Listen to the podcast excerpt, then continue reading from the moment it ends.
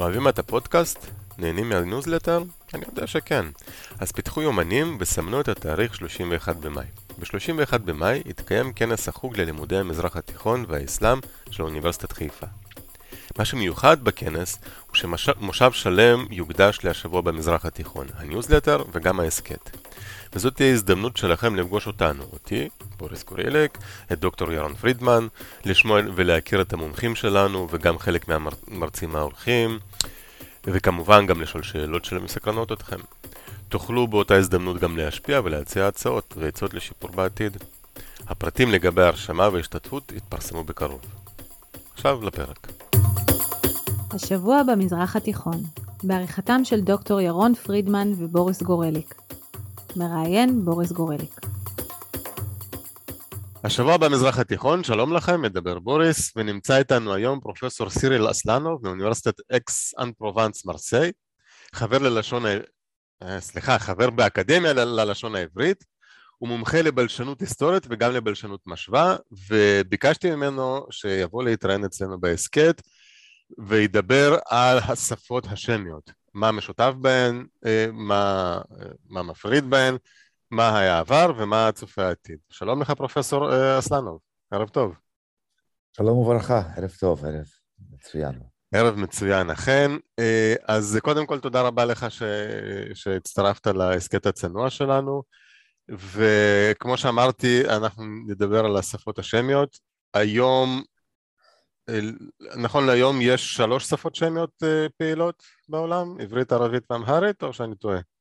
לא, הרבה יותר. הרבה יותר. הרבה יותר. מלבד החלק הארי שהוא הערבית ועברית, יש שרידי ארמית חדשה, ובאתיופיה, אה, בנוסף לאמהרית, יש הרבה שפות שמיות באתיופית שאינן אמהרית. Mm. כן? אמ, אומרים לפעמים שבאתיופיה ובאריתריאה יש בסך הכל 29 שפות אתיושמיות, זאת אומרת, השפות השמיות של אתיופיה. אוקיי. Okay. שזה מספר גדול. אה, לא כל שפה באתיופיה אמ, חשובה מבחינת מספר דובריה, אבל זה בכל זאת אה, ענף אה, רציני מאוד בקרב השפות השמיות, ובנוסף לזה, כן. אה, יש כמה שפות קטנות מבחינת מספר דובריהן, שנמצאות בדרום חצי האי ערב, בעיקר בתימן ובעומאן. יש שם לפחות שש שפות דרום ערביות שלא קשורות, אה, יותר נכון, קשורות אבל לא נחשבות ערבית, הן שפות אה, מקורבות לערבית, אבל אינן ערבית, אה, והן עדיין מדוברות, כן? באזורים האלה של אה, תימן ועומאן. עכשיו, אנחנו, אני מבטיח לך שאנחנו נדבר, אני הולך לשאול אותך על מה עושה את כל הלהגים הערביים לשפה אחת, אבל הזכרת את ארמית, ובשביל זה הייתה די הפתעה, עד לא מזמן הייתי בטוח שארמית זה השפה של התלמוד, וחוץ מבתלמוד לא אף אחד לא משתמש בה, ומסתבר לי שיש קהילות שהן לא קהילות יהודיות, שארמית זה השפה הדבורה שלהן. כן, כן, כן. בצפון עיראק, בדרום מזרח טורקיה, במערב איראן, אה, יש קהילות נוצריות, אה, נסטוריות בדרך כלל, ששייכות לפלג הנסטורי, נסטוריאני, שמשתמשות עדיין בארמית לא רק כשפה ליטורגית בתפילה, אלא גם כשפה חיה. עכשיו, וזאת הארמית, אותה ארמית שיש לנו בתלמוד? אה, לא בדיוק, זה כמעט. הארמית של התלמוד הבבלי היא ערבית, ארמית מזרחית. הארמית החדשה היא גם ארמית מזרחית, רק שזה לא נמצא באותו שלב של התפתחות מבחינת הזמן. Okay. אוקיי. הארמית של התלמוד הבבלי uh, היא ארמית של סוף העת העתיקה. בעוד שהארמית החדשה היא, היא התגלגלות והתפתחות של הלהגים המזרח ארמים, לשפות חיות. אה, עד לאחרונה גם קהילות יהודיות מסוימות דיברו בלהגים הדומים מאוד ללהגים של הנוצרים בצפון עיראק או במערב איראן. אה, היום רק אה, אנשי הגיל המבוגר ביותר זוכרים את הארמית הזאת. הייתי אומר שמתחת לגיל 70 אה, נדיר, נדירה ידיעת הארמית החדשה בקרב יהודי כורדיסטן. אבל אצל הנוצרים הידיעה הזאת הרבה יותר נפוצה. לא רק זה, אלא שבעקבות המאורעות בצפון עיראק, בעיראק בכלל, הרבה נוצרים עזבו את עיראק והגיעו לקנדה, לאוסטרליה, לארה"ב, לגרמניה, לצרפת. זאת אומרת שהארמית החדשה הזאת שבפי הנוצרים אה, מתפשטת בעולם. התפשטה בעולם, והיא מאוד מיוצגת גם ברשתות החברתיות, ביוטיוב. אה, זאת שפה חיה לכל דבר. מעניין. טוב, אז אחרי שאני עשיתי פה סלט שלם מעבר והווה, בואו נחזור לעבר, ואולי תנסה להגדיר לנו מה זה שפות שמיות, ממתי אנחנו עוקבים אחרי השפות השמיות ואיך הן התפתחו. כמובן שאני מתעניין בעיקר בעברית, אבל נתחיל, נתחיל עוד לפני, כי אני מניח. תשמע, אה, כשאתה מסתכל על ההיסטוריה הלשונית של סער הפורה, כן, של המזרח התיכון, אתה רואה שמאז אה, אולי 2,500 לפני הספירה, אה, מתועדות שפות שדי דומות על אף ההבדלים בשיטת הכתיב, אוקיי? Okay? ברגע שאתה מפענח את הכתיב, בין אם זה כתיב, אה, כתב יתדות או א' ב' כלשהו, אתה רואה שבסופו של דבר השפות האלה די מקורבות. לפעמים מקורבות מאוד, כמו למשל העברית לעומת המואבית. אוקיי. Okay. המואבית של, אה, מצ... אה, של אה, מצבת משע, מלך מואב, שמשתחצן על כך שהוא האביס את בני ישראל, כן? אוקיי, okay, אוקיי. Okay. מצבה שנמצאת היום במוזיאון הלובר בפריז. אם אתה מפענח את המואבית, אתה רואה שהיא מאוד מאוד דומה לעברית. דומה באיזה מובן? באוצר מילים, תחביר? דקדוק בכלל, תחביר בפרט, אוצר מילים, בניינים, משקלים, הכל דומה. גם הכ... okay. אוקיי. הכתב, הכתב הוא כתב פניקי שאומץ הן על ידי העברים, בני ישראל, הן על ידי המואבים.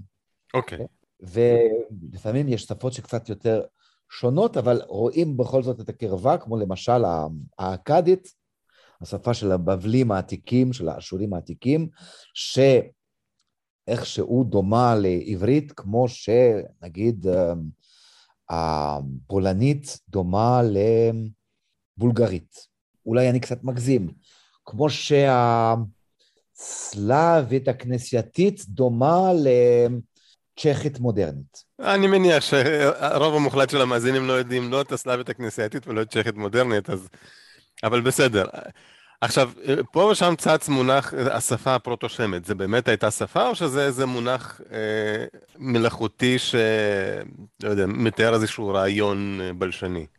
זאת השערה, אבל שיש לה בסיס. ברגע שיש לך שפות מתועדות מאז 2500 לפני הספירה, כן? כן. אתה יכול לחזור אחורה, אחורנית במנהרת הזמן. אבל ברגע שזה לא מתועד, על גבי uh, האבן או על, על גבי לוחית של uh, חמר, ברגע שאתה משחזר את הצורה, אתה חייב להוסיף כוכבית. השחזורים האלה נעשים באופן מאוד מאוד שיטתי, ומצליחים לשחזר לא רק את המילים, לא רק את הצורות, אלא גם את המערכות. מערכות משמע שפה. זאת שפה משוחזרת, אבל היא משוחזרת אה, במידה גדולה של בטחה. ולכן. אפשר לקרוא לה בשם מוסכם, פרוטו-שמת, תקרא לזה שמת, תקרא לזה ת, תקרא לזה השפה העתיקה של אה, השר הפורה, זה לא משנה. אבל אין ודאות, אה, אין ספק שמהגזע המשותף הזה, המשוחזר, משום שהוא לא מתועד בכתב, כנראה כן. שהכתב עוד לא היה קיים, אבל שאפשר לשחזר בדרך מדעית, אפשר להבין מדוע למשל בעברית אומרים שר, ובאכדית אומרים שרו, או שרום.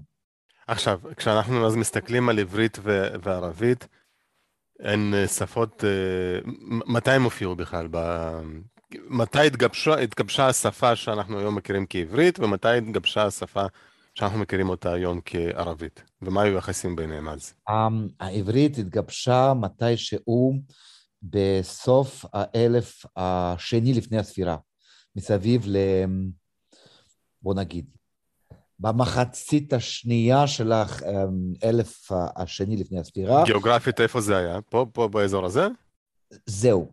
כנראה שזאת שפה שהתגבשה בכנען, בכנען, מהמם.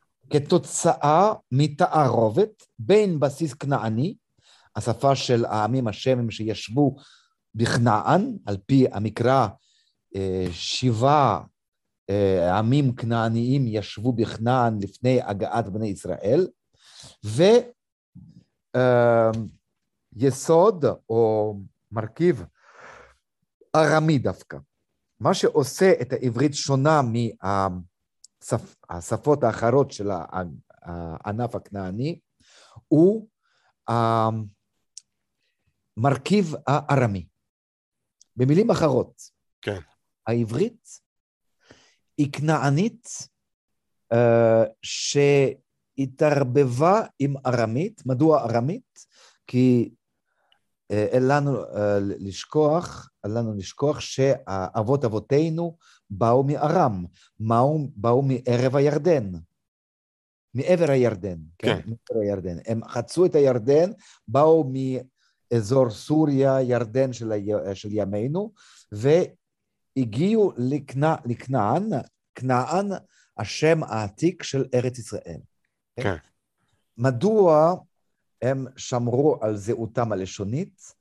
משום שבניגוד לעמים הכנענים שישבו שם מימים ימימה, בני ישראל, העברים שעברו את הירדן, היו נוודים או חצי נוודים.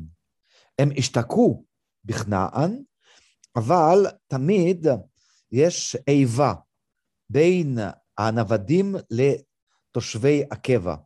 וכנראה שבשביל בני ישראל היה חשוב לזכור, אפילו אחרי שהם השתקעו בכנען, שמוצאם דווקא מוצא נוודי, uh, משום שזה חלק מהזהות היותר, uh, הייתי אומר, רוחנית של עמים נוודים. הנוודים יותר רוחניים מאנשי קבע, מתושבי כן. קבע.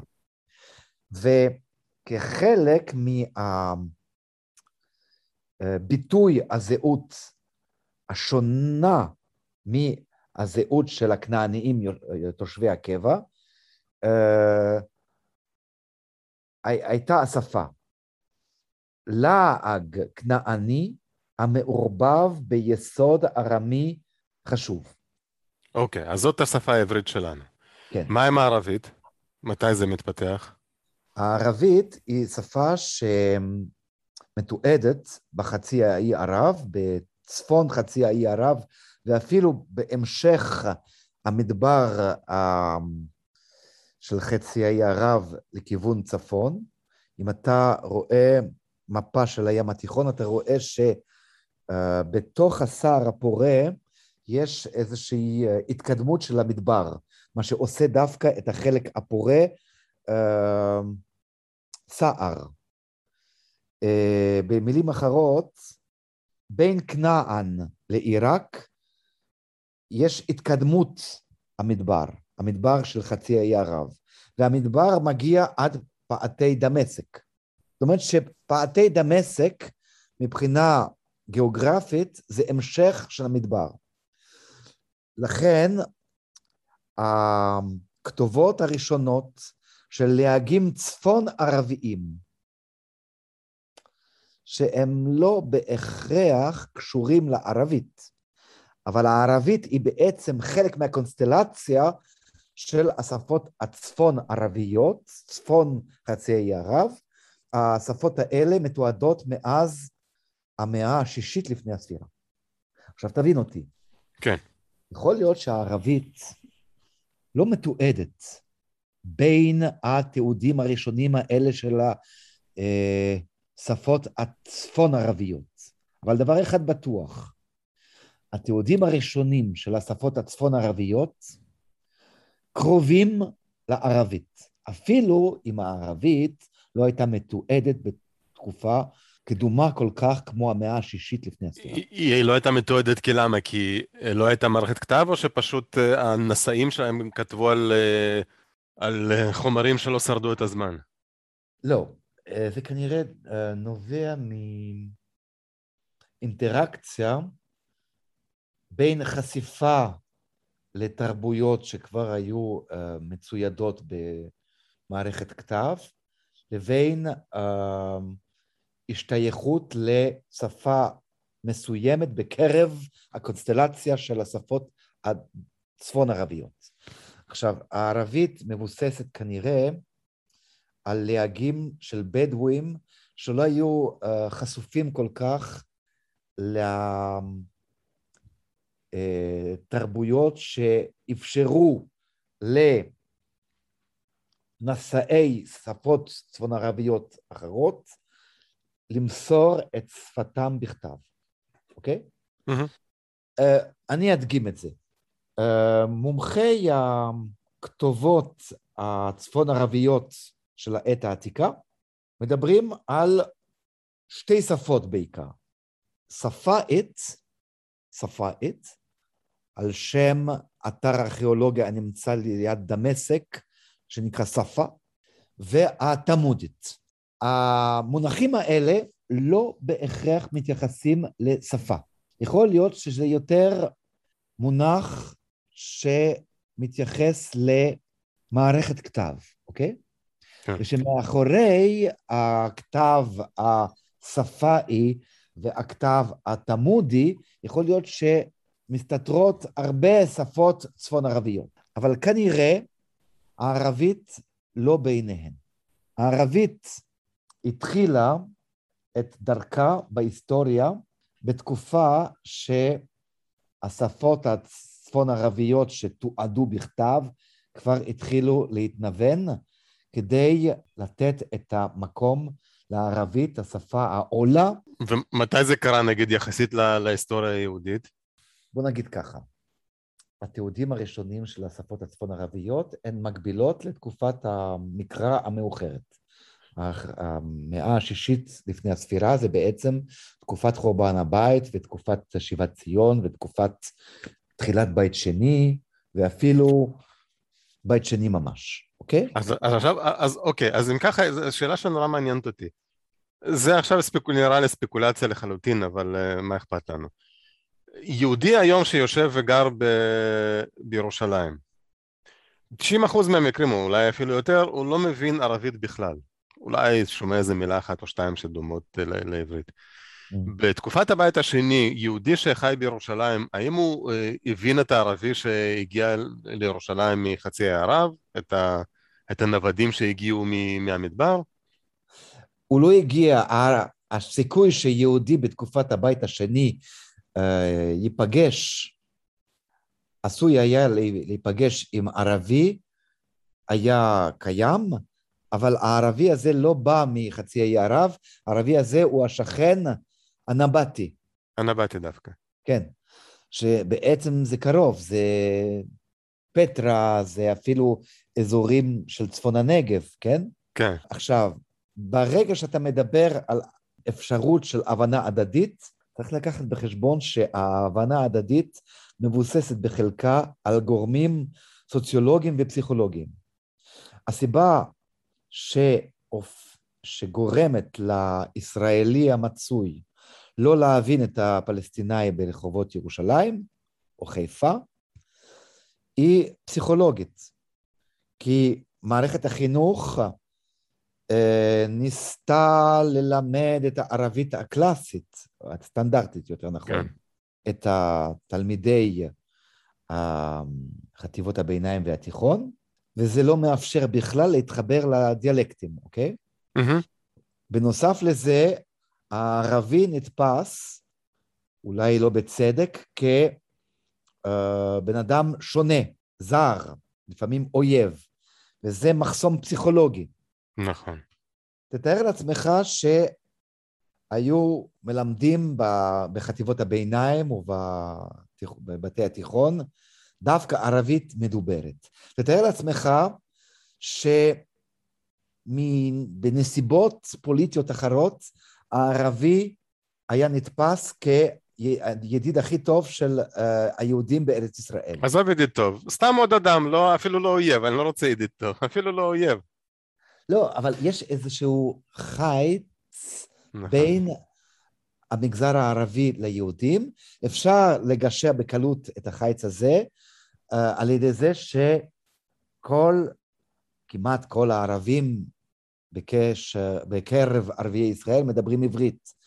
זאת אומרת שהיהודי אפילו לא צריך לטרוח ללמוד את השפה של השכן, כי הערבי בא לקראתו על ידי זה שהוא יודע עברית. אני אגיד לך אפילו יותר מזה, אתה מקשה על בין השיח שלך אם אתה מנסה לדבר אותו עברית, כי לך, לא לך, לי יותר קשה לדבר ערבית, אז uh, לשנינו יותר קל שכבר נעבור לעברית וזהו, ונשכח. בדיוק, בדיוק.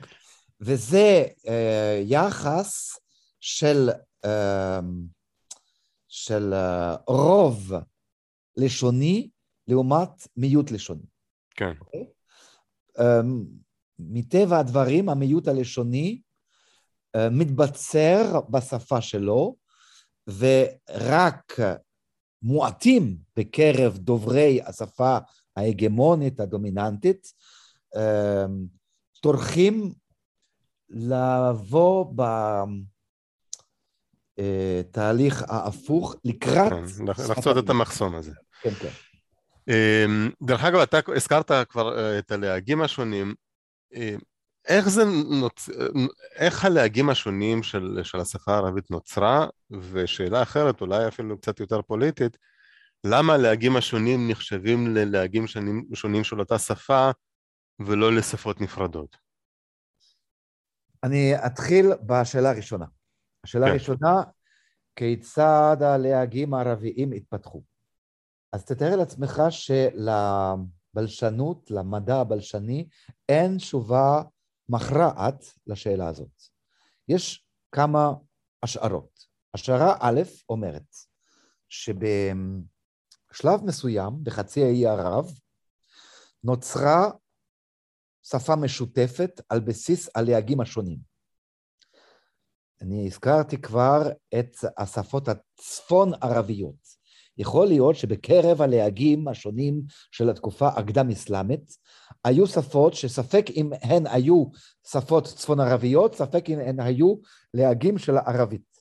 השאלה הזאת כמעט uh, לא פתירה, כי אנחנו לא מכירים מספיק את השפות הצפון-ערביות, ואנחנו לא אה, מכירים מספיק את ההסתעפות הדיאלקטלית של הערבית בתקופה הקדם-אסלאמית.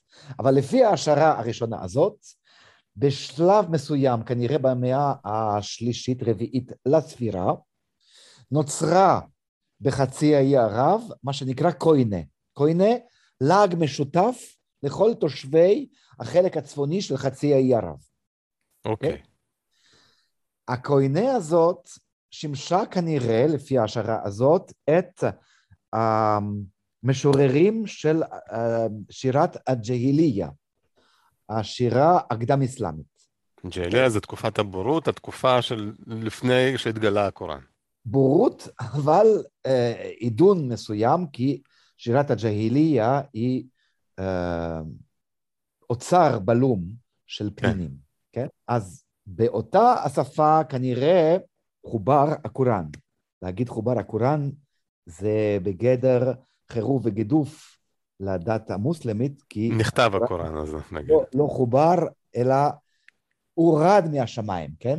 וזאת, השפה של הקוראן זה בעצם השפה של שבט קוראי שאליו השתייך אה, מוחמד, או שאנחנו... כנראה, אין- כנראה. כן. כן. נמסר בכתב בשפה של, של הנביא, והנביא השתייך לפלג מסוים בקרב השבט, שבט הקורייש, אוקיי? מהמם. אז עכשיו, מה שחשוב כאן הוא שבהשערה הזאת אתה בעצם מניח שבשלב מסוים ריבוי השפות הצפון ערביות או הלהגים הערביים התאחדו לקוינה, מהמם. משותפת, מלאכותית, טיפה, ספרותית, ובשלב שני חל תהליך הפוך של הסתעפות לכל מיני להגים חדשים.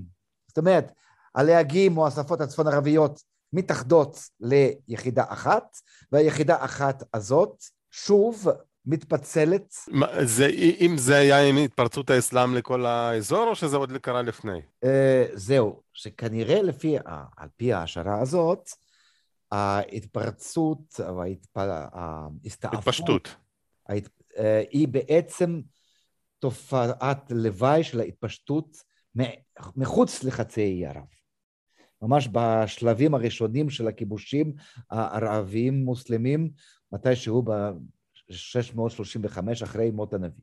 עכשיו, השערה השנייה אומרת שלא הייתה קוינה כזאת, שחצי האי ערב תמיד היה פסיפס של להגים, ושהלהגים הערביים המדוברים כיום בין אוזבקיסטן למרוקו, הן בעצם תוצר, מוצר אמ, בת של הערבית החיג'אזית. אתה רואה שבין שתי ההשערות האלה יש פער ענק.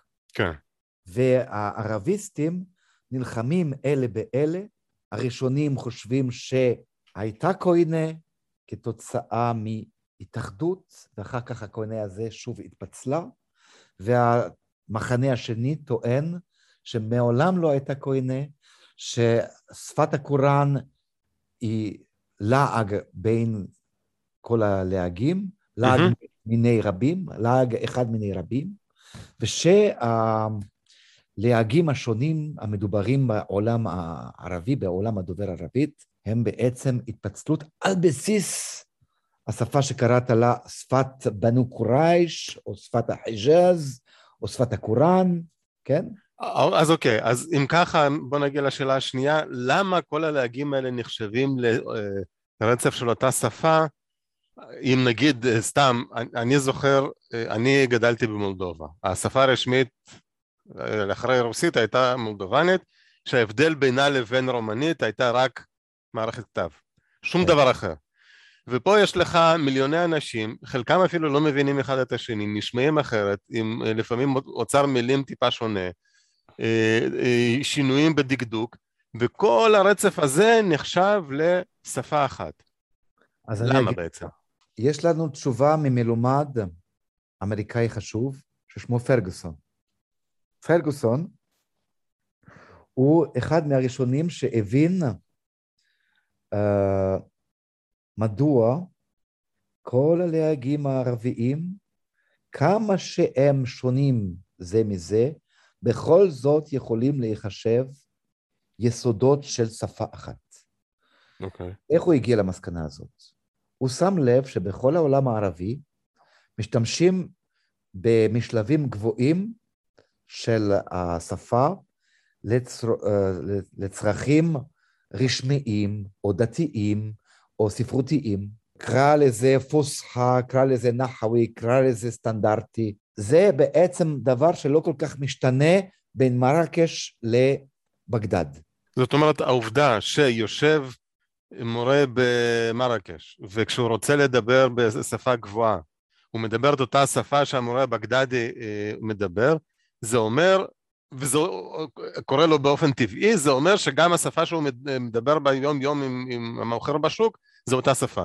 היכול, היכולת של בן אדם מחונך, אפילו לא מלומד, פשוט מחונך, היכולת להשתמש בכמה משלבים, במשלב הגבוה הלא כל כך משתנה בין מרקש לבגדד, והמשלב הנמוך המשתנה כל כך, אה, מציל, העובדה הזאת מצילה את הלהגים הערביים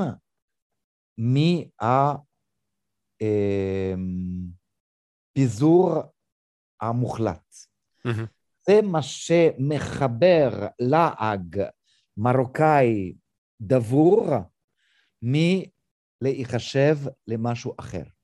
כי ברגע שאתה יכול בכל זאת, בנסיבות מסוימות של חיי יום-יום, לעבור למשהו משותף לכל העולם הערבי, זה הופך את הלעג המדובר לנגרר אחרי הלעג הערב... סליחה, הנורמה, הסטנדרט הערבי. הסטנדרטית. כן? אני אתן לך דוגמה הפוכה שדווקא יכולה לאשש את זה. יש מקום בעולם שאינו מוסלמי, ובו השימוש בשפת הקוראן והשימוש בספרות ערבית סטנדרטית לא קיים. אנשי המקום הזה מסתפקים ב... בלעג. הם מדברים רק בלעג הערבי שלהם, ואין okay. אוקיי. להם גג, אין להם משהו כדי להיאחז בו, משהו כמו שפת הקוראן. המקום הזה נקרא מלטה. האיים האלה ב...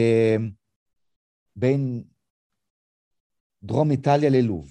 נכון. אוכלוסייה קתולית שמשתמשת בלהג צפון אפריקאי הדומה מאוד לטריפוליטאית או לתוניסאית, אבל מסיבות תרבותיות ודתיות, השפה הגבוהה של המלטים היא יכולה להיות, לפי, תלוי בתקופות, איטלקית, אנגלית, כן? גם מערכת הכתב שלהם היא לא מערכת כתב ערבית.